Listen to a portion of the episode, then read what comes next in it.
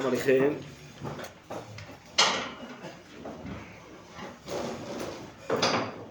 אה, הרב ביקש שנלמד משהו יחד לעילוי נשמת הרב אלישע,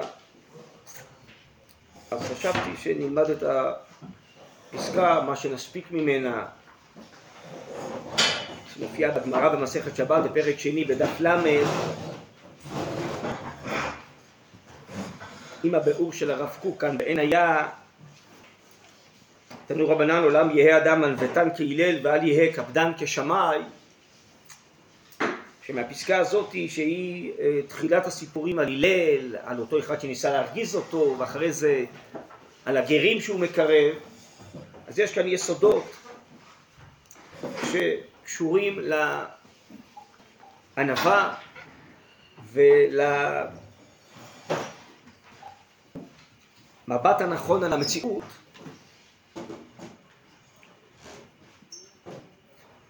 אז הלימוד יהיה לעילוי נשמתו, ומסתום תוך כדי הדברים יעלו דברים כי נראה ש...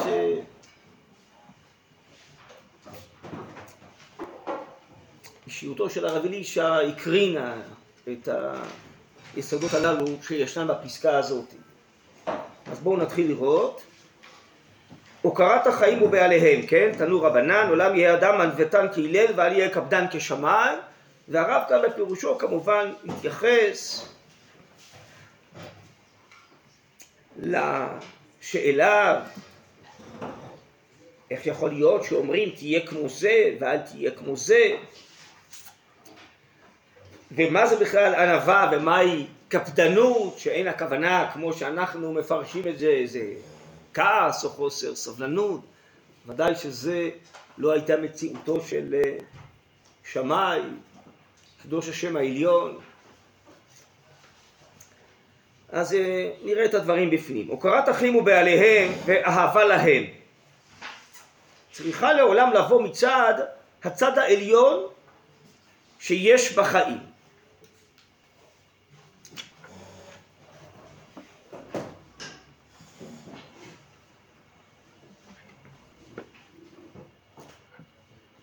כלומר, אנחנו צריכים להוקיר, להחשיב את החיים. ואת נושאי החיים, זה האנשים, האישים, ובעליהם. לא רק להוקיר, להעריך, אלא גם לאהוב, אהבה להם.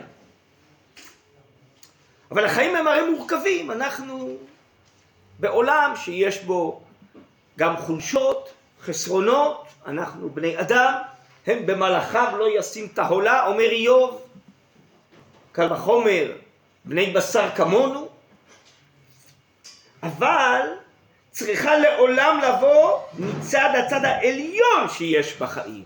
נכון, יש גם צד תחתון. אנחנו מחוברים לגוף, מפליא לעשות, קושר נשמה אלוקית קדושה וטהורה לגוף. אבל יש בנו גם צד עליון, ואת זה צריך לחפש, ולזה צריך להתחבר. וזה מה שירומם אותנו וירומם את העולם. מפני, כלומר, הרב עכשיו מרחיב ומסביר, זה היה מין כותרת התחלה. מפני שכל אשר יחובר אל החיים, יש ביטחון. להוציא ממנו, מעצמו, או ממעשיו, או מפעולותיו, בעת מן העיתים. מכיוון שהחיים הם חיים אלוקיים, מאיפה יש חיים בעולם? רק ממקור אחד אלוהי, מקור החיים הקדוש ברוך הוא. כיוון שהמקור הוא אלוהי, אז המקור הוא טוב. המקור הוא בעצם שפע של טוב, טוב השם לכל, ורחמיו וכל מעשיו, בחסדו ברא את העולם, ונטיפות, ניצוצי חיים נמצאים בכל. נכון שהם לעיתים מכוסים, באבק, באשפה, בקליפות. נכון שהם לעיתים רבות אה, מעורבבים כבר, אחרי חטא האדם הראשון וחטא אבותינו ויחידות העולם, טוב ברע.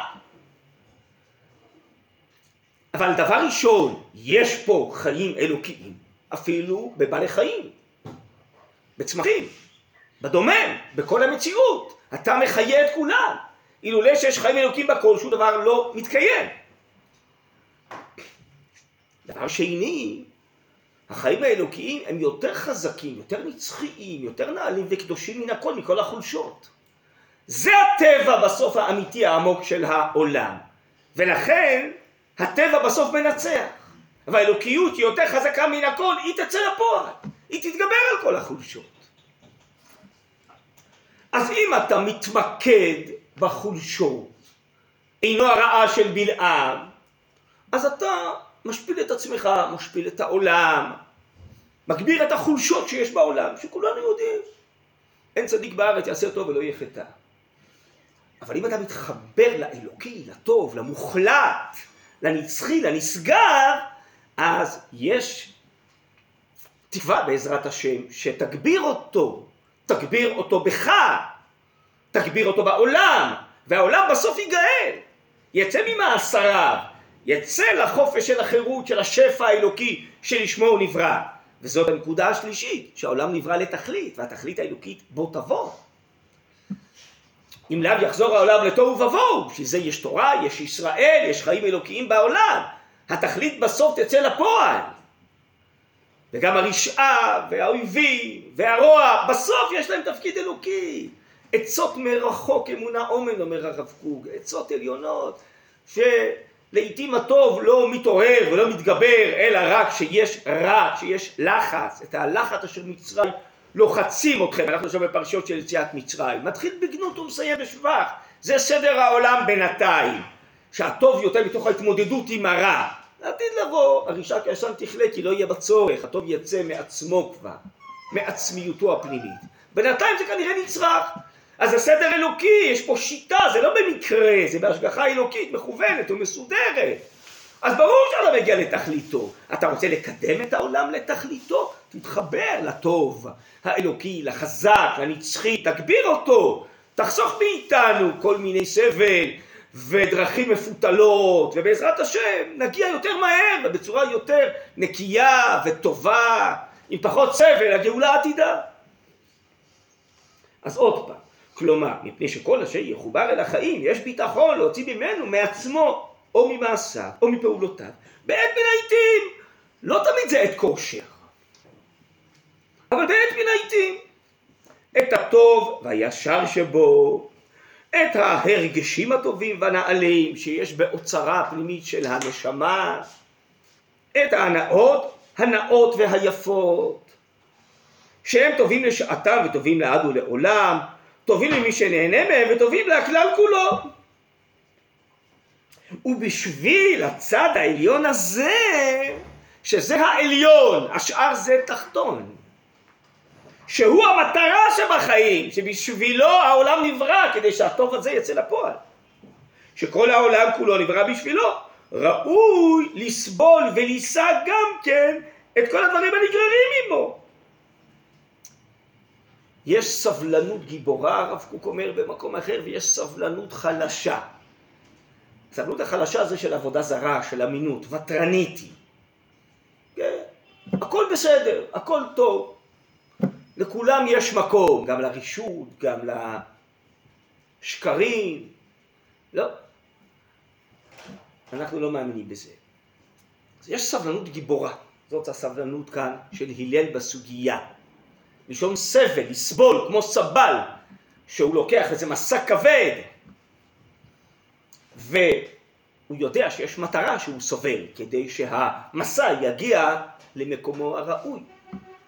אז יש סבלנות אלוקית לעולם, כמו שאומרת הבת קול לרשב"י, לחריב עולמי יצפה, יש לי סבלנות. העולם בסוף יתעלה ויגיע למטרתו, אבל לא בלחיצת כפתור, קמעה קמעה, לאט לאט, מדרגה לדרגה. זאת סבלנות גיבורה שצריך ללמוד מריבונו של עולם. אז יש גם סבלנות שצריכה להיות בנפש שלנו. רבי הרב ציודה היה אומר, וזה שמעתי מהרב אלישע כמה פעמים, שהוא ציטט את אה, רבי הרב ציודה, שאמר לתלמידים, ארבעים שנה עבדתי על מידת הסבלנות. יש מגמה, יש תכלית, אבל קימה קימה. אפשר לצרף לזה פה גם אה, את אישיותו של הרב אה, חיים דרוקמן, זכר לברכה, שלצערנו גם כן הסתלק, אה, אנחנו בתוך השלושים שלו מעולמנו. הוא היה אלוף הסבלנות. אבל סבלנות גיבורה. מתוך גבורה, מתוך עוצמה. לא מוותרים על האידיאל. הלל לא מוותר לגרים שיבואו אליו על גיור נכון כהלכה. הלל לא מוותר לחצוף הזה בערב שבת בין השמשות שמנסה להכעיס אותו, הוא רק מסביר לו לאט לאט שהלל לא יכעוס, ושכדאי לו לשנות את דרכו, אבל הוא עושה את זה באהבה, בהערכה, בכבוד, בחוכמה גדולה, בלמדנות גדולה, כפי שהרב מבאר כאן בהמשך, בסבלנות גיבורה, שאני סובל את המציאות למרות שהיא לא סימפטית לי ולא נוחה לי, כדי להגיע בסוף למטרה, להוציא את הטוב הזה, את היקר, מה שהרב קוק הדריך, זאתי הענוותנות שמביאה לסבלנות. כי הענוותנות גורמת שהאדם לא מדמיין שהוא במרכז ובו כל הטוב ובו כל החוכמה. זהו חכם הלומד מכל אדם, אומר החכם בן זומא במסכת אבות. אז אם הוא כזה חכם, למה הוא לומד מכל אדם? זה חוכמת הענווה, שאדם יודע שהוא לא יודע. ושריבונו שלם חילק את החוכמה וניצוצות שלה מופיעים בהרבה מקומות ולא רק אצלי, אז אני לומד מכל אדם, זאת היא חוכמה גדולה, למצוא את החוכמה בכל דבר. מי שגאוותו במרכז החיים, אומר הרב, במוסר אביך ודמיונו גדול שהוא מושלם והוא חכם, הוא לא יוכל לראות לא את החסרונות שבו ולא את המעלות והחוכמה שבאחרים. אז האינבטן הוא חכם אמיתי, כי הוא מוצא את מקומו האמיתי, וממילא הוא גם סבלן גדול, כי הוא רוצה ללקט את החוכמה, את הטוב, את הניצוצות, את האור, את היושר והצדק שיש בכל מקום. לעורר אותו, להוציא אותו לפועל, לקחת אליו, להביא לעולם, שיגבר בסוף על כל החולשות וכל הטעויות. זאתי הסובלנות הגיבורה שנולדת מתוך הענווה הגדולה.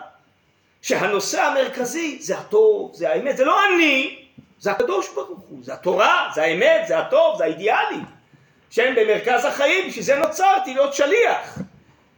ומי יותר שליח מהרב אלישע בשליצקי שכל חייו זה מין שליחות כזאת, כדי לקדם את הגאולה, את חבלי משיח שהוא היה מדבר כל הזמן, כל השיעורים שלו היו, כן, כל פעם נושא בחבלי משיח, בחבלי משיח, לא משנה, כל נושא זה היה בחבלי משיח.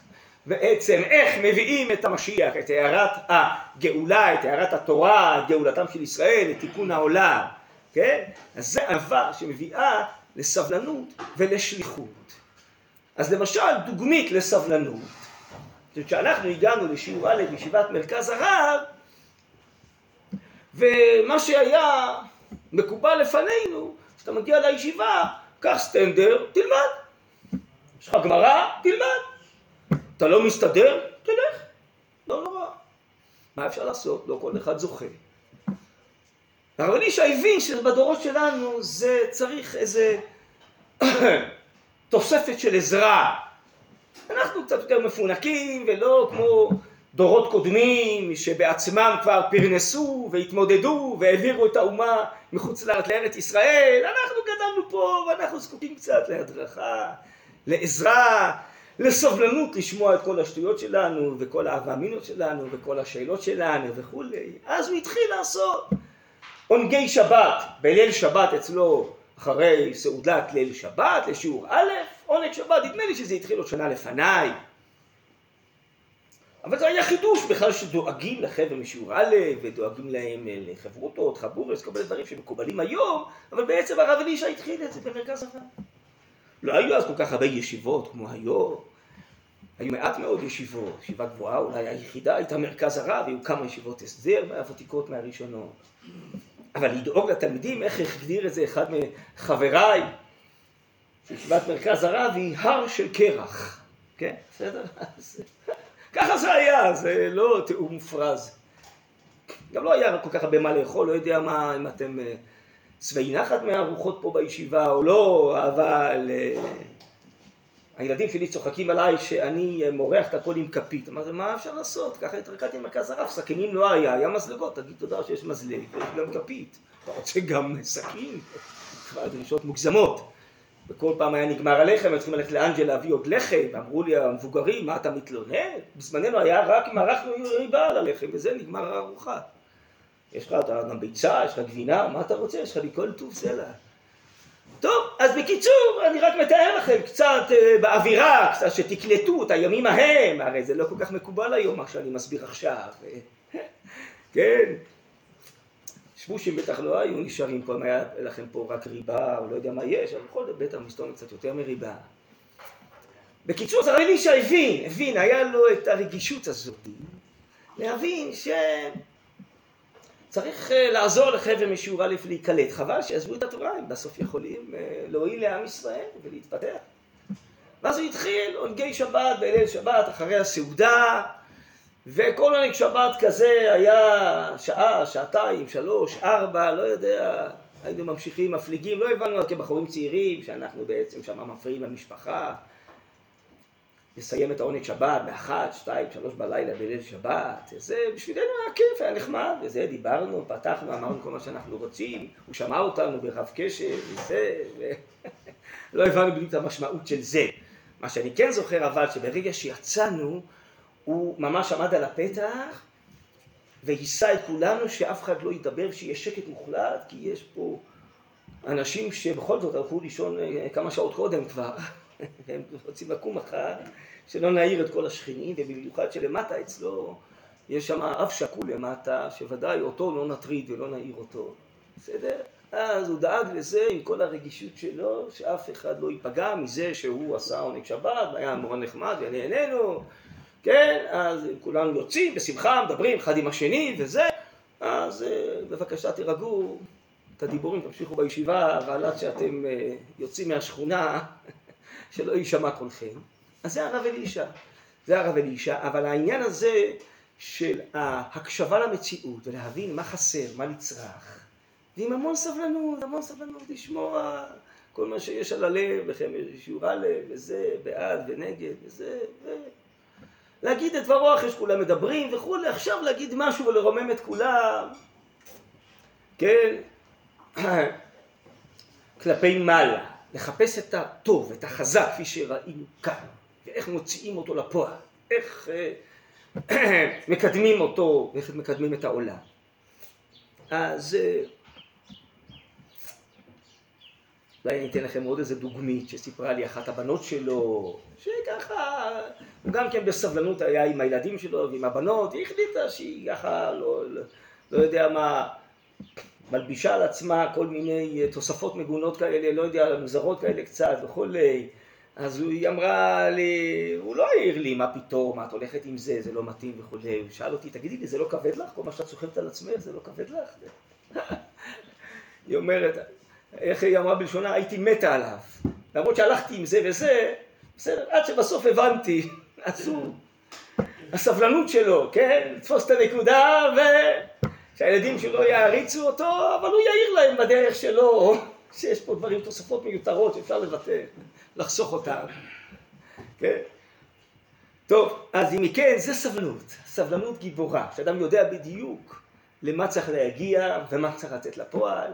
אבל הוא עושה את זה בחיוך, באהבה, בסבלנות, כן? זאתי חוכמה מאוד גדולה, כן? של הענוותן הזה, שרואה את הטוב ומנסה להוציא אותו לפועל בנחת בחיים, ולקדם בזה אנשים, ולקדם את העולם. טוב, בואו נמשיך קצת לקרוא. אמרנו, אני אחזור על תחילת המשפט האחרון, בשביל הצד העליון הזה, שהוא המטרה שבחיים, שכל העולם כולו נברא בשבילו, ראוי לסבול ולישא גם כן את כל הדברים הנגררים עמו. שאף על פי שפעמים רבות הם נוטים מדרך הטובה והישרה ומעקשים את יושר התעודה התכליתית של החיים. מכל מקום, סוף סוף יש למצוא בכל דבר ועניין יחס גם כן אל הטוב היושר, אל החוכמה והצדק, בדרך רחוק או קרוב, שמצידו ראוי לסבול גם כן את הפסולת והמותר המעוקר. יש אנשים אידיאליסטים בדור הזה, לא רק גרעינים תורניים דתיים. הרב אלישע כל הזמן היה במגע עם מה שנקרא אצל אנשים חילוניים אידיאליסטים. אני זוכר, ישבנו בכמה כנסים ופגישות עם אנשים כאלה. היה גרעין חזק מאוד ידוע בשדרות, שהרב אלישע עזר לחבורה לא דתית להקים גרעין, כן, כמו גרעין תורני, לא, גרעין חילוני אידיאליסטי. אבל יש פה מותר מעוקם, יש פה דברים שהם לא שלימים. כן, אבל יש פה צד טוב, אנשים אידיאליסטים. אוהבים את עם ישראל, רוצים ליישב את אה, ארץ ישראל, רוצים לבנות קהילה וחברה מתוקנת. אז הרב אלישע איתם. הוא חשב שזה השלימות? ברור שלא. הטוב, בעזרת השם, בסוף, הטוב יתגבר. בעזרת השם, בסוף הקודש יופיע, בסוף יחזרו בתשובה כל עם ישראל, מוסתו וגם הם. אני בינתיים מחזק את הטוב. כמהלך בדרכו של רבותיו, הרב אברהם יצחק הכהן קוק ורבנו הרב ציודה. היו שואלים את הרב קוק, איך אתה תומך בבוני הארץ החופשיים, ככה זה היה נקרא, שלא שומרים תורה ומצוות? אתה בא, מחזק אותם בחקלאות, ביישוב הארץ, במושבות. הוא אמר, כן, אני מחזק דברים טובים שהם עושים. הם עושים את רצון השם. אולי הם לא מתכוונים לזה, לא אומרים לשם איחוד, אבל הם רוצים לבנות את הארץ, השם רוצה או לא רוצה? רוצים לבנות מושבות, השם רוצה או לא רוצה? רוצים לנטוע פה עצים ולהפריח את השממות, כמו שכתוב בנביאים, השם רוצה או לא רוצה? אני מחזק את הדבר הטוב, כשהם עושים משהו רע, אני גם אעיר על מה שהם עושים. אני אעיר בכבוד, באהבה, הרב קוק מסביר באגרות, לכן מכבדים אותי. כי הם יודעים שאני תומך. מישהו אומר לו, אבל הם חושבים שאתה מסכים איתם. לא, אומר הרב קוק, הם יודעים בדיוק למה אני מסכים ולמה לא. אני גם אומר את זה, הם גם לא טיפשים. אבל הם מעריכים אותי, כי הם רואים שאני מחזק את מה שטוב. ואני לא סתם צועק, אני צועק על מה שרע. אם זה חילול שבת, אם זה ביקורת המקרא, ואם זה אינסוף דברים אחרים. אבל מה שטוב, אני יודע להעריך ולחזק. לכן הם מעריכים אותי. אז בדרכו ממש, הלך הרב אלישע, וכן בדרכו של רבנו הרב ציודה, שפעם אחת החבר'ה חזרו, והרב אלישע סיפר לנו את זה, בתור בחורים צעירים. נדמה לי מתפילת יום הכיפורים באיזה קיבוץ שהם אה, הלכו להשלים עניין או לייסד מניין וחבר'ה חזרו לישיבה אז שאל אותם רבנו הרב ציודה טוב מה היה? סיפרו התפללנו וזה היה נחמד עם האנשים אה, וכן מלבד התפילה הם אמרו גם העברנו איזה שיעור לימדנו אותם אז רבנו הרב ציודה שאל אותם ככה סיפר לנו הרב אלישע ומה למדתם מהם? אנחנו למדנו מהם, מה יש להם ללמד אותנו? מה, אין לכם שום דבר טוב ללמוד מהם? אין שום דבר טוב, אולי דרך ארץ שקדמה לתורה? מידות טובות, מעשים טובים, כוונות טובות, אהבת הארץ, אהבת העם, אין לכם מה ללמוד מהם שום דבר? מה למדתם מהם? אז כזה היה הרבה לא הרב אלישע גם כן. לומד מכל אדם, וזהו חכם, לומד מכל האדם. אהבת הטוב, אהבת האדם, אהבת הארץ, אהבת האומה, אהבת אידיאלים, גם אם הוא עדיין עוד לא חזר בתשובה שלמה להשם יתברך. אז אה, אפשר להפריד במחשבה בין המותר המעוקם ובין הפסולת ובין הטעויות לבין הדברים הטובים. והיה מתמקד תמיד בטוב, ואת זה מנסה לחזק.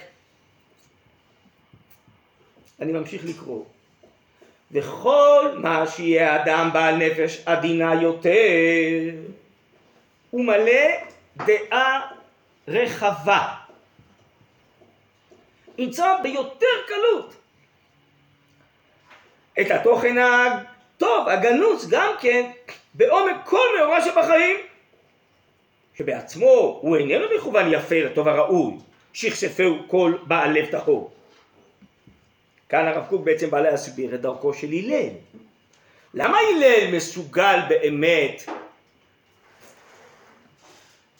לראות את הטוב שיש בחיים בכל מיני מקומות וגם באחרים? כיוון שיש לו נפש עדינה ודעה רחבה, ובזה יש אין סוף מדרגות. כמה יש עדינות לנפש וכמה יש דעה רחבה. באמת בסוף הסוגיה כתוב ששלושת הגרים באים להלל ואומרים לו ינוחו לך ברכות על ראשך שהקרבתנו תחת כלפי השכינה. אז הרב מבאר שם אין היה, מה הכוונה? האם לתת לו ברוכה על הראש? שקירב אותם לכנפי השכינה, הם אומרים לו, אנחנו יודעים שאצלך זה מתחיל מהדעת, מדעת התורה שבך.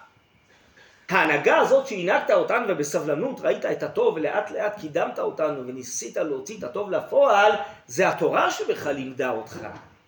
זה השכלה אלוקית שככה אתה מבין את התורה ואת החינוך ואת ההדרכה עם בני אדם, לכן פעלת איתנו ככה. זה מתחיל מהראש, אמרו לך ברכות על ראשך, זה שיטה תורנית אלוקית. זאת השיטה התורנית האלוקית של הלל. אז ככל שאדם הוא בעל דעה רחבה בשיטה הזאת, האלוקית, המיוחדת הזאת, כפי שהרב קוק יקרא לזה כאן בהמשך, השיטה המיוחדת של הלל, וככל שיהיה לו עדינות נפשית לחוש את הטוב, אפילו ניצוץ קלוש, בעומק הקליפות מה שנקרא, בעומק החושך, בעומק הטעויות והשטויות, אז צריך עדינות נפש לקלוט שיש כאן משהו, וצריך דעה רכה להבין. מה זה הניצוץ הזה, מה ערכו, איך מעלים אותו, איך מוצאים אותו לפועל, איך עושים שלבים קמעה קמעה, כן? צריך בזה שיטה שלמה, דעה רחבה. לא מספיק לצעוק, ככה הרב מסביר גם על אברהם אבינו שנלחם עם סדום. שאברהם לא מספיק שהוא בעצם נגד הרע, הוא בונה שיטה של הטוב, אומר הרב, בעין היה פחות חלק ב'.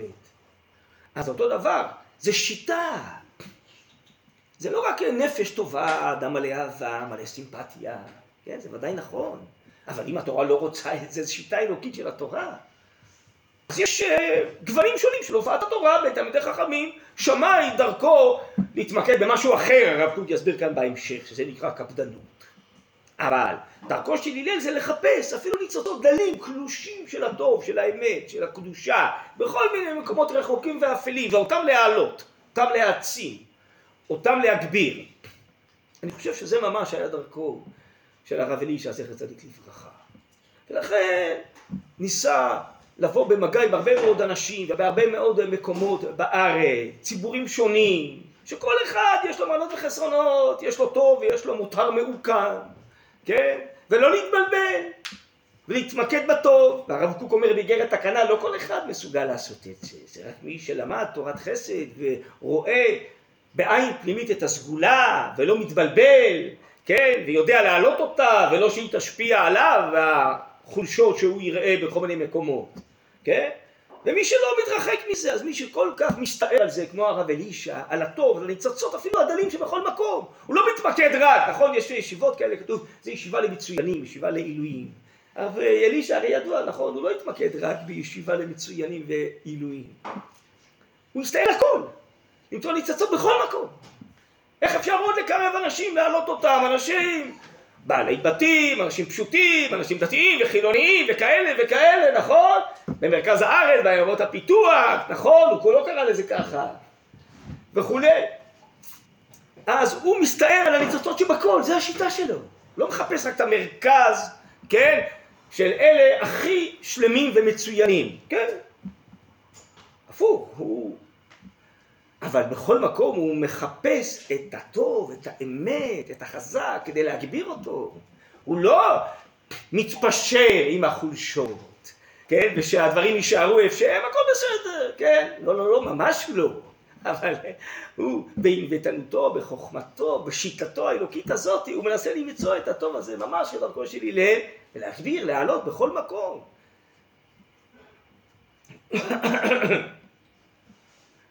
לכן הוא תמיד דיבר על האחדות, לאחד את כולם, אבל אחדות, האנשים שונים, כן, אבל בסוף, קודם כל יש דברים משותפים, קודם כל. תורה, עם ישראל, אמת, יושר, צדק, אידיאלי. דבר שני, בשביל השלימות של עם ישראל, ברוך חכם הרזים, כל אחד יש לו רז שונה, יש לו סוד שונה, שזה שליחותו באומה, אף אחד לא יוכל להשלים אותו, יש לו סוד נשמתי שונה, הוא צריך לתרום לעולם משהו אחר, הרב אומר, קדש ורחץ, קדש, כל אחד בקידוש שלו זה קידוש אחר, הרב אומר שמה. בהגדה של פסח, תחילת ההגדה, קדש, כל אחד יש לו קדושה אחרת שהוא מביא לעולם, גוון נשמתי רוחני אחר, ברוך חכם הרזים, סוד אחר. אז כדי שהאומה תיבנה ותגיע לגאולתה, צריך את כל הגוונים של כולם. אז אם אלה האחדות תביא לשלמות גדולה, המון המון גוונים, שכל אחד יתרום את הגוון שלו, ככה הוא היה מסביר לנו הרב אלישע. אז קודם כל יש דברים משותפים, לכן צריך להתאחד, אבל חוץ מזה שאנחנו צריכים את כל הגוונים האלו. אז יכול להיות שיש צדיקים נפלאים וטהורים וקדושים, אבל יש באומה עוד גוונים, ריבונו שלום פיזר את הגוונים אצל עוד אנשים. לכן הוא רוצה שישים ריבו מישראל, אוכלו שם ישראל, לכן הוא רוצה את כל מיליוני ישראל, כי כל אחד יש לו גוון רוחני, ורק באחדות כולם, אז הגאולה השלמה תגיע. אז ממילא האחדות הזאת שהיה מדבר על כולם, זה כדי ללקט את כל הניצוצות, אפילו הדלים שיש אצל כולם, לאחד אותם ביחד ולהרים אותם כלפי מעלה. ולצורך זה, מלבד האישיות שלו והשיעורים שהוא העביר בירושלים ובמקומות אחרים, בתחילת דרכו אני מדבר. אז אחרי זה הרב יהושע צוקרמן צריך לתת ברכה, הקים את אלעמי, הרב אלי שהיה שם אדם מרכזי, השקיע הרבה מאוד באלעמי, שבעצם אלעמי זה היה גוף כזה שהיה לו כל מיני מחלקות, שהעביר סמינריונים ושיעורים וחוגי בית אצל דתיים, אצל חילוניים, צבא ועולים מרוסיה וכל מיני דברים. הרב אלישע זה ראה את שליחותו בעצם להפיץ את התורה, את תורת הגאולה, את התורה הגואלת בהרבה מקומות בארץ, והיה נוסע, ועם עיוני מורים וכולי, אחרי זה אלא מי נחלש, נשאר רק אלעמי בצפון וכולי, אז הרב אלישע הקים את מהות, שזה היה להעביר בעיקר שיעורים למורים ולמורות ולמפקחים ומנהלים וכולי. ואחרי זה, ב... לא זוכר בדיוק כמה, 15-20 שנה האחרונות, אז הוא התמקד בגרעינים התורניים, ונסע בכל הארץ כידוע, והספיק ביום אחד לדלג מבית שאן לדרום וחזרה לצפון וכל מיני דברים פלאיים שלא קפצה לו הארץ. אז זה היה מהלך נקרא לזה השלישי, כן? של לנסות אה, להגיע לכל מקום אפשרי, אבל אני חושב שזאת השיטה האלוקית הזאת, של הענווה הזאת שרואה את הניצוצות בכל מקום ומנסה להגביר אותה ולצרף אותה. זאת השיטה, רק אה, כל פעם באיזה כלי אחר, ארגון אחר או מה שיכול לסייע לו, וכל פעם זה הלך וגבר, הלך וגבר, ההתרחבות שלו וההתמסרות שלו, כן, וההשפעה שלו.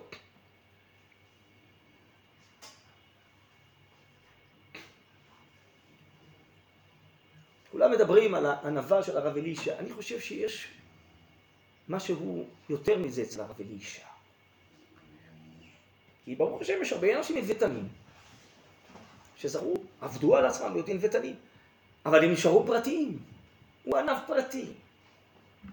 הרב אלישע, הענווה הזאתי, שמתוך כך הוא ראה את הטוב בכל מקום, הביא אותו לקחת אחריות על הטוב הזה.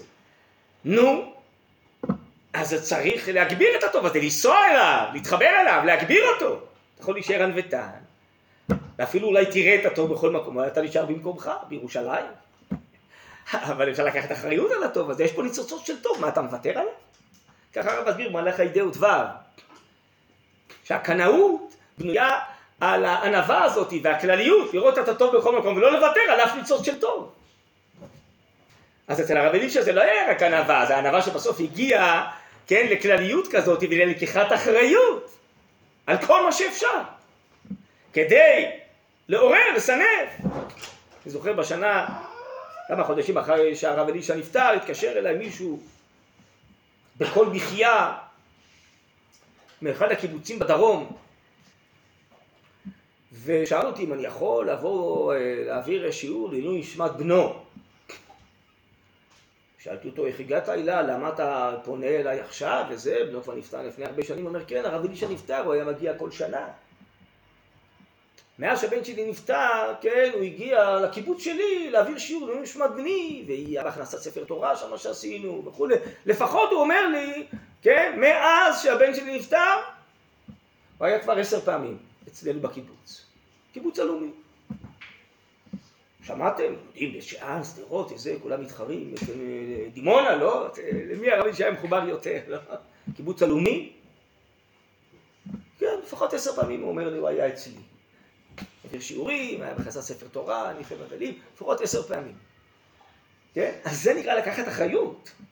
זה לא רק להיות ענוותן ולראות את הטוב בכל, זה בסוף, אה, מתוך כך, תלמוד שמביא לידי מעשה, ענווה שמביאה לידי אחריות. כן, זה בסוף לפעול מתוך זה. בואו אולי נמשיך לקרוא קצת.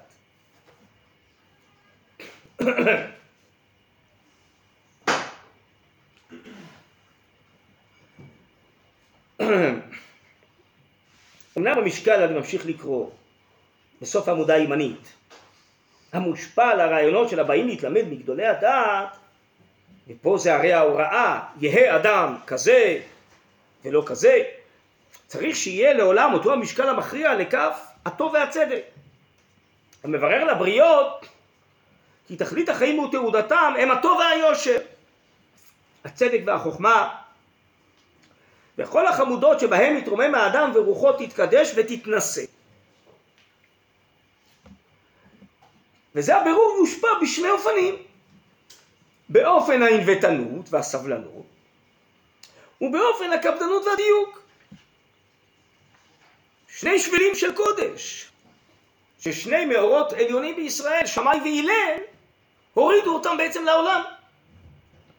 הענוותנות תראה איך גדול הוא כוח הצדק והטוב, החוק המושרש בחיים בחסד עליון, אשר עשה את הכל לתכלית הטוב והצדק.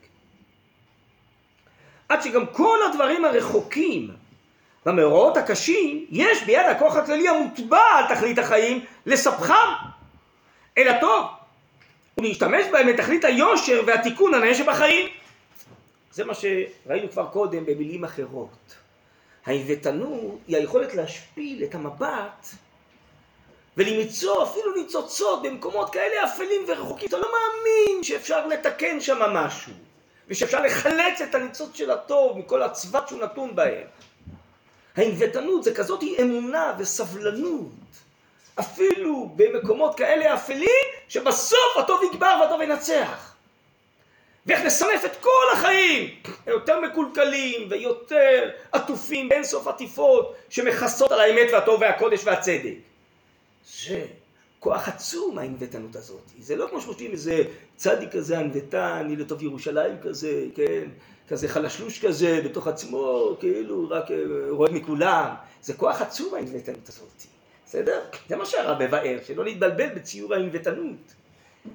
זה כוח של מבט עמוק, דעה רחבה, אומץ גדול ללכת למקומות רחוקים אפלים מאוד ולא לפחד להתמודד איתם ולהוציא משם את הטוב.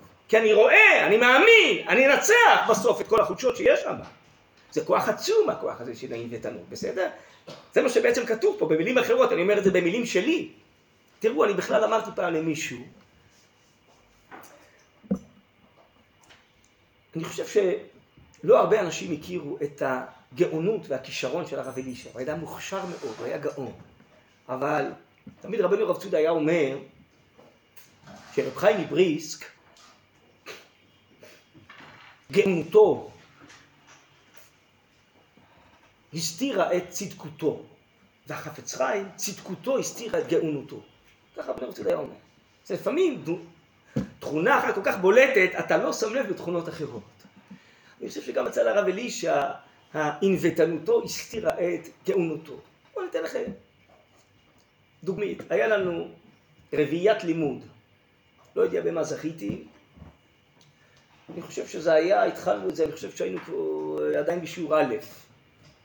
בימי חמישי בלילה אצל הרב אלישע, ב-11 בלילה, למדנו ארבעה אנשים. זה היה הרב אלישע, וייבדל לחיים טובים ארוכים, הרב אה, שלמה, ראש אה, אולפנת אבין שמואל, הרב שלמה וייס, הרב של כפר דרום, של בני דרום. ולצערנו הסתלק מן העולם הרב אהוד ברזילי ואני. ישבנו ולמדנו שו"ת חתם סופר. עכשיו השעשוע של הרב אלישע היה לראות את השאלה של החתם סופר. אחרי זה שננסה אנחנו לענות מעצמנו ואחרי שנראה מה שהמיצוי שאנחנו יכולים להגיע, נראה את התשובה שלו, כמובן זה יהיה הרבה יותר ממה שאנחנו הגענו, ואז ככה נתיישר, הוא יישר את המחשבה ואת השכל שלנו, כן? כי לאט לאט תתרגל לחשוב נכון. אז עוד שבוע, עוד שבוע, באמת זה היה איזה, לא יודע, שנה וחצי, שנתיים היה החברותה הזאת, כן? אז זה היה השעשוע שלו, כן? לא כאחד מכם שלרוב הוא כלל המטרה לתשובה של החתם סויפר. ובאמת, לעיתים רבות הוא ככה היה עושה פינג פונג רצון ושוב עם הרב אהוד ברזילי שגם כן מוכשר מאוד, גם כן גאון. אז אני ככה עמדתי מעטה, ניסיתי לעקוב אחרי מה שהם אומרים, אולי אני אצליח לקלוט איזה משפט, להבין איזה מילה שהם אומרים. אבל הם ביניהם ככה התרוצצו במחשבות ובזה, בשאלות, בתשובות. ראית מה זה כישרון וגאונות.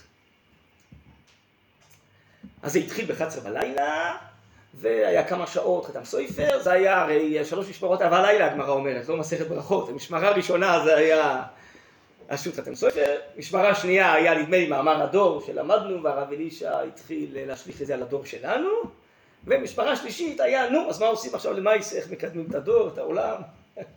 עד ותיקי, זה היה ככה, שלוש משמרות אהבה הלילה. אספר לכם עוד משהו, אם כבר ככה, מניחוחות של אותן תקופות. אנחנו יושבים אה, פעם אחת, משהו היה שתיים שלוש בלילה, אני לא זוכר, והתקשינו שם משהו. בחתם סופר, אפילו הרב אלישע לא הצליח להבין שמה שהחתם סופר אומר, דופק על הדלת, שתיים שלוש בלילה, נכנס הרב יהודה חזני. שמעתם את השם הזה פעם, הרב יהודה חזני? זכר צדיק לברכה. לא שמעתם. טוב, זה רבנו הרב צודה קורא לו בעל האלפים. הוא היה הגאון שבגאונים, הרב יהודה חזני. תמיד חכם עצום. הרב צודה רצה שהוא יהיה רם במרכז הרב. אבל הוא אמר לרב צודה, אני לא יכול להיות רם, אני uh, מארגן הפגנות. כל ההפגנות של גוש אמונים, את כל המאבקים וכולי בהסכמי השלום וזה... זה רק הרב יהודה חזני היה יודע לארגן. היה לו גאונות גם מעשית. והרב צודה היה, כשהיה צריך להחליט משהו, נו, איפה בעל אלפים הוא יבוא ויכריע? רק, רק בעל אלפים מכריע, זה היה הרב יהודה חזני. משהו גאון וצדיק עליון, ו... אז לפעמים הוא היה חוזר שנה ללמוד, הוא לומד שלושה סדרים, אחרי התפילה, עד אמצע הלילה, ככה, שנה, שנה וחצי, נמצא בישיבה כל הזמן. אחרי זה, יש לו איזה הברקה, צריך לעבוד על משהו, אתה רואה שנה, שנתיים הוא לא בישיבה, עובד על איזה משהו מעשי, חוזר. סיפרה לי אשתו, תיבדל לחיים ארוכים, הרבנית חנה, שכל ההברקות שלו היו בליל שבת. כל הרעיונות הגאוניים שלה, היה לו רעיונות גאוניים, איך לבלבל את כולם ולהצליח, קיצור, כל מיני דברים מבריקים, היה אדם מבריק. הכל היה בליל שבת, היה מתעורר, מעיר אותה, תזכרי את הרעיון, כששבת שבת מתחילים לעבוד על זה. ככה, תראו, זה אנשים שמסירות נפש, זה פשוט הכוונה, אני קצת אה, ניחוחות, אני רוצה אה, לספר לכם משהו מדורות קודמים, כן? כל מיני אישים שאפשר ללכת בעקבותיהם, כל אחד ייקח איזה ניצוץ, משהו מהאישים האלה. כן? אז זה היה רבי דחזני. הוא התחיל את הריקוד גלים, בסדר? זה רעיון שלו, כל הריקוד גלים, הוא התחיל את זה. ו... אז הוא דופק שלוש שתיים שעות בלילה. מה הוא דופק? הרב אלישע הוא הרבה יותר צעיר ממנו. אז אברך צעיר הרב אלישע. הוא כבר היה יחסית מבוגר, הוא מהזקנים, מזקני הדור, רבי דחזני. הוא לצערנו נהרג בת... באיזה תאונה, באיזה... אז הוא בהרבה שנים, כשהוא יכל ללמוד, הוא הלך לגרזן ללמוד אצלו בכולל. ישב ולמד שם, וזה. אז כשהוא נהרג, אז uh, הגרזן הגיע להלוויה. הוא אמר לכולם, תשמעו, אני לא יודע, אני... Uh, uh, זה שפה עכשיו קוברים אותו זה רב יהודה שלנו? אמרו לו, כן, זה רב יהודה שלנו, שלמד אצלו בכולל הרבה שנים. אז אני לא מבין, הוא אומר, אני פה איזה, אני אה, ראיתי איזה עיתון, הראו לי איזה עיתון, ואמרו שנהרג אחד בראשי גוש אמונים. אמרתי, מה זה רב יהודה שלנו? פה תמיד חוברים, יושב ודן איתי, לא ידעתי בכלל שהוא מראשי גוש אמונים, שהוא כאלה כוחות מעשיים. בסדר, אז זה, זה אישים כאלה, אלוקיים, כן, ענוותנים כאלה. גדולי אה, תורה וגדולי מעש, כן, אבל לא ידעתי, פתאום הגעתי מיד להלוויה וזה לא ידעתי שרבי יהודה שלנו אחד מראשי גוש אמונים הוא מארגן כל הדברים האלה. שיש לו כוחות כאלה גם כן. טוב, אבל מה אני מספר לכם? הוא דופק את הרב אלישע, שתיים שלוש בלילה, זה לא בדיוק שעה, הוא לא בדיוק בטח ידע שאנחנו יושבים שם ולומדים בזה. הוא צריך עצה מהרב אלישע, הרב אלישע היה אדם צעיר מאוד. היו אנשים מבוגרים בהם לקבל ממנו עצה. אמרנו פה צריך דעת רחבה, לא? לא מספיק נפש עדינה, צריך גם דעה רחבה. רב אלישע היה לו גם פיזית וגם רוחנית כתפיים רחבות, שאפשר היה לסמוך עליו. הרגישו שהעיצה שלו זה העיצה נכונה. כדאי להתייעץ איתו. הרבה אנשים התייעצו איתו, בענייני ציבור, ואנשי ציבור, ותלמידים, וכל מיני אנשים התייעצו איתו. אז הוא דופק באמצע הלילה, גאון כזה. הוא צריך עצה מרב אלישע, שהוא צעיר ממנו בהרבה שנים. אז הוא נכנס, אז תראו מה זה אהבת תורה של הרב אלישע. אז הוא נכנס, אז הרב אלישע אומר לו, רגע, רגע, לפני הכל, בוא שב פה רגע, יש לנו קושייה בחתיים סופר, בוא תפתור לנו קודם כל את הקושייה. הוא יודע שהוא עילוי כזה, והוא גאון כזה. קודם כל תפתור את הקושייה. טוב, אז הרב יהודה חזני לוקח, אני זוכר כמו היום, לוקח את הזה, תחת המסייפר, ככה, ממש, אני זוכר את הציור הזה כמו היום, לוקח את זה ככה, מסתכל, מניח ת'ספר, מה הבעיה? אתם לא מבינים? זה פשוט, מה, מה אתם מתקשים? אתה אומר, טק, טק, טק, טק, טק, זהו, זה ההסבר. מה, אתם לא מבינים? ככה היה. מעשה שהיה, ככה היה. טוב, בקיצור, אחרי זה הוא לקח את הרב אלישע החוצה, הצידה, לא יודע מה, זה היה כזה עניין כנראה שלא היינו אמורים מהאוזניים שלנו לשמוע את זה וזה, והתייעץ איתו, והרב אלישע חזר ללמוד איתנו, והכל בסדר. אז זה גם איזה להבין איך אה, התייחסו לרב אלישע כבר אז, גם אנשים גדולים, מבוגרים, תלמידי חכמים, אנשי מעשה גדולים, כן, מגדולי אנשי המעשה, שהם צריכים את העצה שלו, באיזה עניין, לא יודע בדיוק מה היה העניין בכלל, אין לי מושג, אבל היה צריך את העצה שלו. טוב, בקיצור, אז לכן רק אמרתי שאני חושב שעל הרב אלישע נכון להגיד שענוותנותו הסתירה את גאונותו, הסתירה את הכישרונות שלו, הוא היה מאוד מוכשר, מאוד מוכשר. מאוד מהיר מחשבה, כן, עם תפיסה עמוקה, ו... אז מכיוון שהוא כזה צדיק כזה, וענוותן כזה, אז זה קצת אה, הבליע את הכישרונות שלו, כן, והוא מייט את עצמו.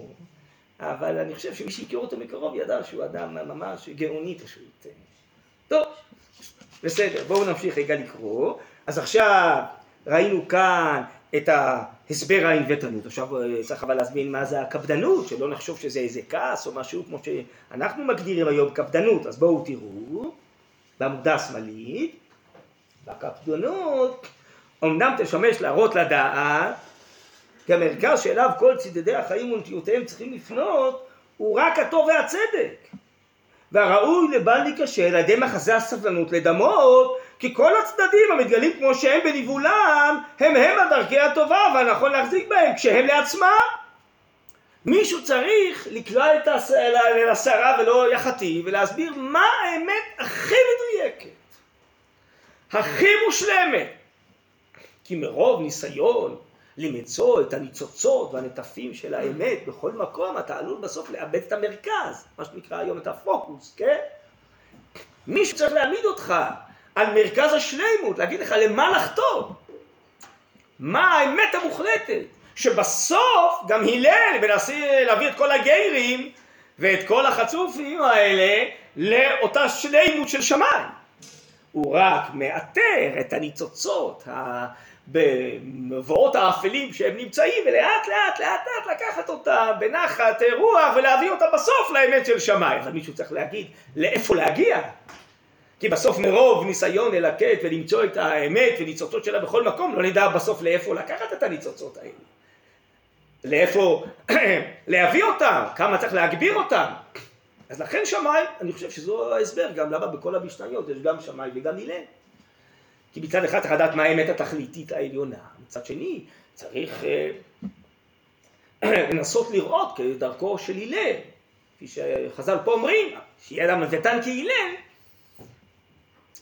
ולנסות לראות איך אנחנו מלקטים ניצוצות מכל מקום כדי לקרב אותם בסוף לאמת של שמיים, אבל מישהו צריך להסביר, זה הדיוק, זה הקפדנות, הכוונה היא דיוק, כן? לאמת המוחלטת. אז זה דרכו של שמיים. הלאה. על כן אדון כל המעשים ששתל בעולמו מאורות גדולים. שתל בעולם כל מיני מאורות, זה השגחה אלוקית, שיהיה גם שמאי וגם עניין, זה לא מקרה. העולם צריך גם את זה וגם את זה. זה לא איזה תקלה. היינו מעדיפים שיהיה רק זה או רק זה. מצד אחד צריך לדעת מהי האמת המוחלטת, מצד שני צריך לדעת איך לאט לאט לקחת כל מיני ניצוצות ולהעלות אותם לאמת, אחרת אנחנו נוותר עליהם, כי הם לא האמת המוחלטת. אז הוא שתה שני מאורות גדולים, חכמי לב, שימו לב לביטוי חכמי לב, זה איזו הכרה פנימית עמוקה בנשמתה, זה לא רק חוכמת מוח, זה חוכמת לב. אצל הרב חוכמת לב זה טביעות עין, זה הכרות האמיתיות הכי עמוקות שיוצאות מאוצרה של הנשמה. שממילא הלב הפנימי, הנשמה הפנימית בעצם של כל אחד לוקחת אותו לפתח את השיטה הרוחנית שלו. זה משהו עמוק מאוד בנשמתו של כל אחד מהם. זה נקרא חכמי לב. להורות את המין האנושי אורחות צדק. כל אחד עכשיו מצעיד אותנו, מראה לנו איזה זווית של החיים שצריך לשאוף עליה, לאמת המוחלטת, ואיך מעלים הרבה מאוד ניצוצות לאותה אמת. נתן כוחות מחולפים בנפשות שונות של ענקי הרוח. ענקי, יש כאלה, ענקי. ברוך השם, עם ישראל, אלפי רבבות עמך בית ישראל, אבל בתוכם יש ענקים. בכל דור יש ענקים. אותם בעלי הדעה הגדולה, שברוב חוכמתם ובגדולת נפשם, שימו לב, רוב חוכמה וגדולת הנפש, הם בוררים להם דרך לעצמם. טוב, אתם יודעים הרי, זה מסוכן הדבר הזה, מה אז בוררים דרך לעצמם? הרי לא, אדם לא ממציא תורה, תורה זה רק מה שהוא שמע מרבותיו, אבל ככה בדיוק רבינו הרב צודה היה מסביר על אליה, רבי אליעזר הרי, נכון? הרב צודה היה מביא סתירה, שמצד אחד כתוב, רבי אליעזר אומר במסכת סוכה, שמעולם הוא לא אמר דבר שלא שמע מרבותיו. מצד שני כתוב בפרק רבי אליעזר, הוא הרי בא ללמוד תורה לפני רבן יוחנן זכאי, ואביו אורקנוס ידירו מכל נכסיו. כתוב שבאיזשהו שלב אחרי שהוא למד תורה מארבעים וחמש זכאי, הוא ביקש ממנו, פתח פיך ותתחיל להגיד דברי תורה. כתוב שמה שיצאו ממנו קרני הור, ככה שם כתוב בתחילת פרקת רבי אליעזר. הערה גדולה יצאה ממנו, והוא אמר דברים שלא שמעתם אוזן מעולם. אז אחד שואל, אבל איך זה? הוא אמר שהוא לא אמר דבר שהוא לא שומע מרבותיו, הוא אמר דברים שלא שמעתם אוזן מעולם, הוא ממציא תורה חדשה? אז אחד מסביר.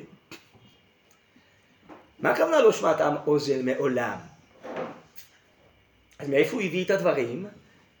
הוא הביא את הכל מרבן יוחנן בן זכאי. וכולם היו בשיעור, אבל רק האוזן שלו שמעה את הדברים והבינה מה שאחרים שמעו פיזית, אבל לא הבינו את עומק החוכמה של רבן יוחנן בן זכאי. אז להסביר מה טמון בדבריו של רבן יוחנן בן זכאי, פעם ראשונה מישהו מוציא לעולם את עומק דבריו, מה שטמון בזה, רק הוא הבין מה שטמון בדברים. אחרים הבינו דברים הרבה יותר קלושים, חלקיים, צדדיים, רפים מתוך דבריו שיצאו של רבן יוחנן בן זכאי. אבל הוא הבין את עומק הדברים, ולכן כשהוא הסביר אותם, כן, פעם ראשונה שמעו דברים שלא שמעתם עוזר מעולם. אז זה הכוונה שהוא לא אמר דבר שהוא לא שמע מרבותיו, אבל הוא שמע את זה, אוזנו שמע, כי שמיעה זה משהו פנימי, זה לא טכנית. שמיעת האוזן, זה שמיעת הלב, שמיעת הנשמה. אז ענקי רוח האלה הם שומעים לתורה, הם מקשיבים לתורה בענוותנותה, הם מקשיבים לדבר השם. ואז הם שומעים את המסלול הזה, את הכיוון הזה, את השביל הזה, זה מה שהם שומעים מתוך התורה. שמאי שמע את המסלול הזה, והלל שמע את המסלול הזה. כל אחד שמע, כן, איזה זווית אחרת מהתורה. אז זה להיות כזה אחד שמסוגל לשמוע דברים בתורה ולהוציא את זה לעולם ולסלול דרך היסטורית לעם ישראל לכל הדורות שילמדו, זה ערכי רוח, זה לא כל אחד מסוגל. בעלי דעה רחבה ועומק נפש ועדינות נפש, אבל הכל יונק מהתורה, כן? הכל זה הופעת הקודש, שהקדושה מופיעה דרך חכמי ישראל. אז יש ענקים כאלה שסוללים דרך חדשה שהם שומעים, כן? הרב קוק למשל אומר את זה בעדר אה, היקר על אה, רבי יהודה לוי בכוזרי, שאחרי שפסקה הנבואה וכולי, והאגדה נעצרה, הנבואה נעצרה באגדה, הוא הראשון שסלל דרך של לימוד אמונה. איך מצד אחד לומדים בשכל אנושי, דברים כתובים, מצד שני בעצם מעוררים את נשמת ישראל ומחזירים את רוח הקודש והקדושה והנבואה לאומה. זה מין דרך גאונית חדשה. שהוא הראשון שסלל אותה, איך עושים את זה? אז יש ענקי רוח כאלה, גאונים כאלה, שמתוך התורה יודעים לסלול דרך. אמר על בפרד, כן? שכל בעלי החסידות אה, יונקים ממימיו. טוב, אז יש ענקי רוח כאלה. אני חושב שגם הרב אלישע היה ענק רוח כזה. לכן גם לא יכל להיכנס לזה בית מדרש אחד פרטי. זה לא במקרה, אני חושב. מין ענק רוח כזה שסולל מדרך כזאת עיוותנית של אחדות וחיבור, חיבורים הוא היה קורא לזה, וליקוט הניצוצות של כולם. ממילא כולם תלמידיו, וכולם קשורים אליו. זה מין ענק רוח כזה, שככה הוא ינק מהתורה כולה, ככה הוא ינק מרבותיו, הרבה מאוד הוא היה מדבר על הרב ציודה, ככה הוא ינק ממנו. אבל עוד אנשים היו אצל הרב קוק או אצל הרב ציודה וכולי, והם לא סללו את הדרך הזאת, כי זה ענק רוח כזה, אני חושב, הרב אלישע. לכן כולם מרגישים שיש פה איזה משהו מיוחד, שונה מאחרים. ענק רוח שסולל בעצמו איזה דרך, שהוא מעומק נשמתו יודע שזה הדרך שהוא צריך לסלול. זה לא במקרה. הלאה. אותם בעלי הדעה הגדולה שברוב חוכמתם ובגדולת נפשם מבוררים להם דרך לעצמם. איך להדריך את עצמם ואת בני דורם ואיך להשפיע גם כן על הדורות הבאים בכוחם הנשגב.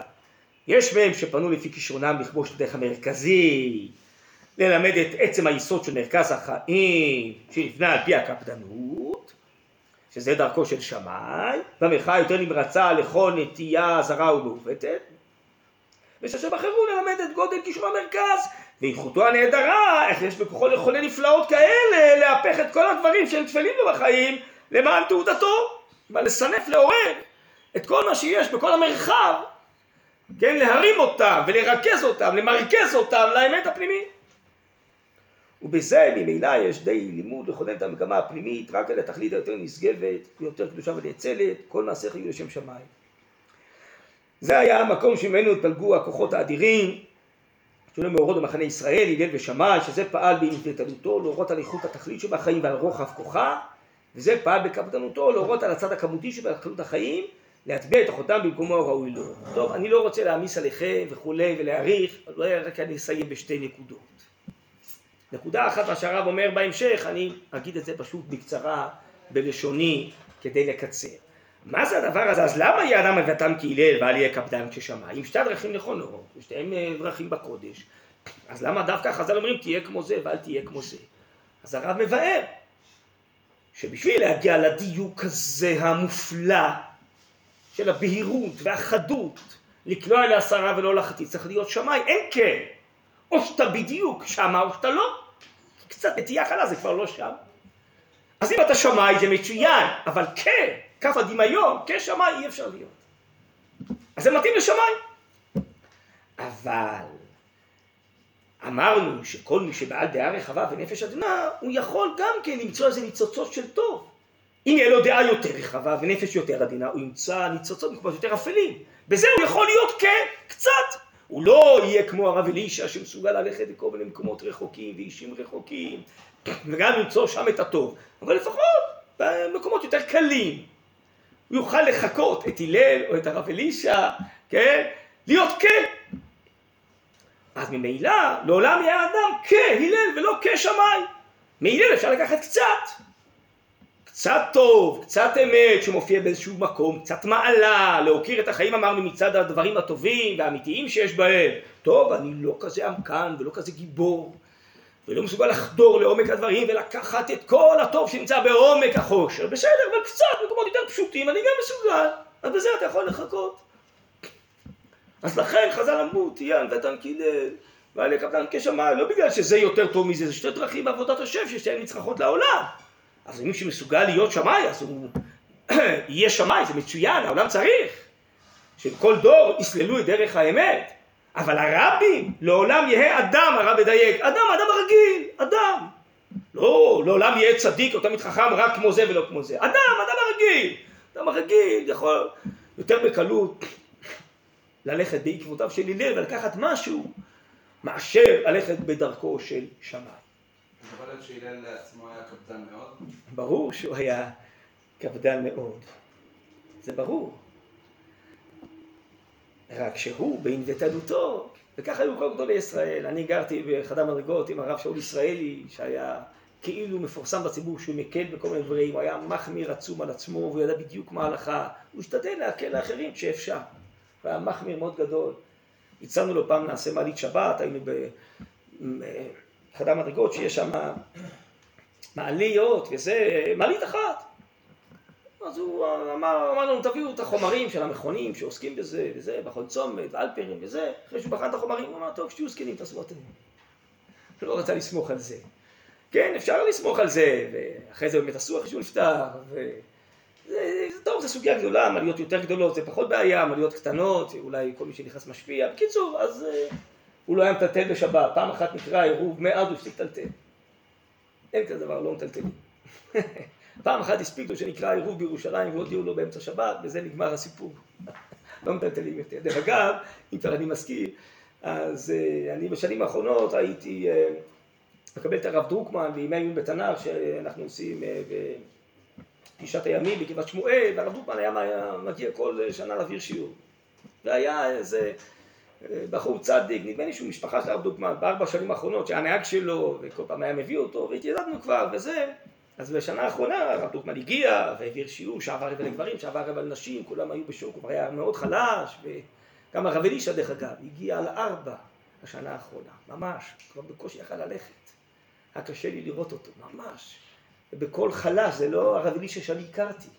היה קשה לראות אותו, והוא לא ויתר, זה תלמידי רבים שלא מוותרים. עד הרגע האחרון, עד השנייה האחרונה, לא מוותרים, לא הרב אלישע בשנה האחרונה ולא הרב דרוקון בשנה האחרונה. אז הבאנו, המוניות הביאו אותם ממש קרוב לאולם, אבל בכל זאת צריך להיכנס כמה פציעות או לעלות כמה מדרגות. קיצור, מדהים, מה זה תלמידי חכמים, מה זה כוח של תורה, של אהבת ישראל.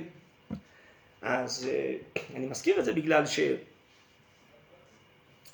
אה, הזה סיפר לי שהרב דרוקמן הגיע מכמה מקומות ומעביר את השיעורים ואחרי זה הוא צריך לנסוע לעוד מקומות אז שאלתי אותו אבל תגיד לי אה, אז אה, מה הוא אוכל? יש לכם אוכל באוטו? וזה לא אין אוכל אז אמרתי לו אז פה אנחנו מחלקים סנדוויצ'ים כאלה כריכים מולאים כל מיני דברים לארוחת צהריים אנחנו נותנים את זה לכל הרבנים שמעבירים שיעורים אז בוא תיתן לו הוא אומר אין שום סיכוי הוא לא אוכל בשום מקום אמרתי לו אבל זה בד"ץ הוא לא סומך עליו בד"ץ ורק אצל הילדים שלו, הנכדים שמפוזרים בארץ, הוא לא אוכל. אז זה לא הוראה. והייתם שואלים אותו, בטח, מה ההכשר של הבד"ץ, הרבנות הראשית לישראל? ברור, ובאמת אפשר לסמוך. הוא באופן אישי מחמיר על עצמו, הוא לא סומך על שום דבר. לא אוכל בשום מקום ככה. כן? הוא אמר לי, באמת, אחרי זה הוא נפגשנו עכשיו, אחרי שהרב דרוקמן נפטר, הוא אומר לי, זה היה יום, לא יודע, שמהבוקר עד הערב הוא לא אכל שום דבר, רק כשהגענו בערב לאחד הנכדים, אז הוא אכל. כל היום הוא עובד בלי לאכול, הנשמה מחזיקה אותו. המסירות, השליחות מחזיקה אותו. לא אוכל. טוב, אז אני רק מביא לכם בתור דוגמה, כן? שאנחנו מדברים פה על הנהגות ציבוריות, מה שאנשים... אז באופן אישי זה ברור שההלכה של שמאי וההלכה של הלל זו אותה הלכה. זה רק השאלה היא, מה התפקיד הציבורי שלו? אם התפקיד הציבורי שלו עכשיו לחדד בפני הציבור את האמת, שהתפקיד הציבורי שלו זה לסנף עוד אנשים לאמת הזאת, גם שרחוקים ממנה, זו השאלה. אבל האנשים האלה הם כולם צדיקים. יראי השם מדקדקים בכל ומחמירים על עצמם לרוב הרבה יותר מאשר אחרים. כן? אז ככה גם היה הרב אלישע, היה מחמיר גדול בכל מיני עניינים, לא ידעו את זה, אבל... טוב, רק לסיום דבר אחרון. אני חושב שאי אפשר לא להזכיר את זה. תראו, בשנתיים האחרונות נפטרו הרבה מאוד גדולים, גם ציבור החרדי, גם בציבור הציוני דתי, הלא דבר הוא, זה, אפשר להתעלם מזה, זה קורה פה משהו. זה חשבונות אלוקיים, בטח סודיים, למה ריבונו של עולם עושה את זה? טוב, אז זה נכון שאנשים לא חיים לנצח ואנשים מבוגרים. בכל זאת, אבל כזה קיבוץ של רבנים גדולים שנפטרו, נראה לי בשנה וחצי, שנתיים האחרונות, אני לא זוכר שהיה כזה דבר. אז אחד מבני חבורה שמת, תדע כל החבורה כולה, ודאי הגדולים שבחבורה, והרב קוק מסביר, תדאג להשלים. אז אני חושב שאנחנו צריכים לנסות ללכת לצעוד בעקבותיהם וללמוד מכל אחד את השליחות המיוחדת שלו, כל אחד הביא גוון אחר לדור. שליחות אחרת, תפקיד אחר. וכל אחד ייקח איזה ניצוץ, אנחנו לא ענקים כמותם, זה ענקי הרוח שסוללים לעצמם דרך אמרנו, אבל כל אחד ייקח איזה ניצוץ, להשלים איזה ניצוץ, הוא יכול ביחד הרבה ניצוצות, הציבור הולך וגדל, יש כבר, כן, הציבור הולך וגדל כל הזמן, הציבור הדתי, החרדי, לא משנה, יש הרבה אנשים, זה, זה, כל אחד ייקח איזה ניצוץ, אולי בשביל, אולי בשביל להשלים, ראיתי שיש פה איזו יוזמה להתחיל לספר סיפורים על כל האישים האלה, ואולי לסנף את הכל לאיזה חוברת או ספר, לגבי הרבה צדיקים כאלה, ואתם תכף ביחד. נראה לי יוזמה מבורכת, אני חושב, הדבר הזה. כן, לפי נושאים או מה, כי אני חושב שצריכים בלי נדר לצעוד בעקבותיהם, וכל אחד, אמרנו, הם לקחו אחריות, כל אחד מאיתנו בלי נדר ייקח איזה אחריות בשביל איזה ניצוץ שהוא מוכשר אליו, שהוא חזק בו, שאולי הוא ישלים את זה, בעזרת השם, בעם ישראל הגאולה השלמה במהרה בימינו.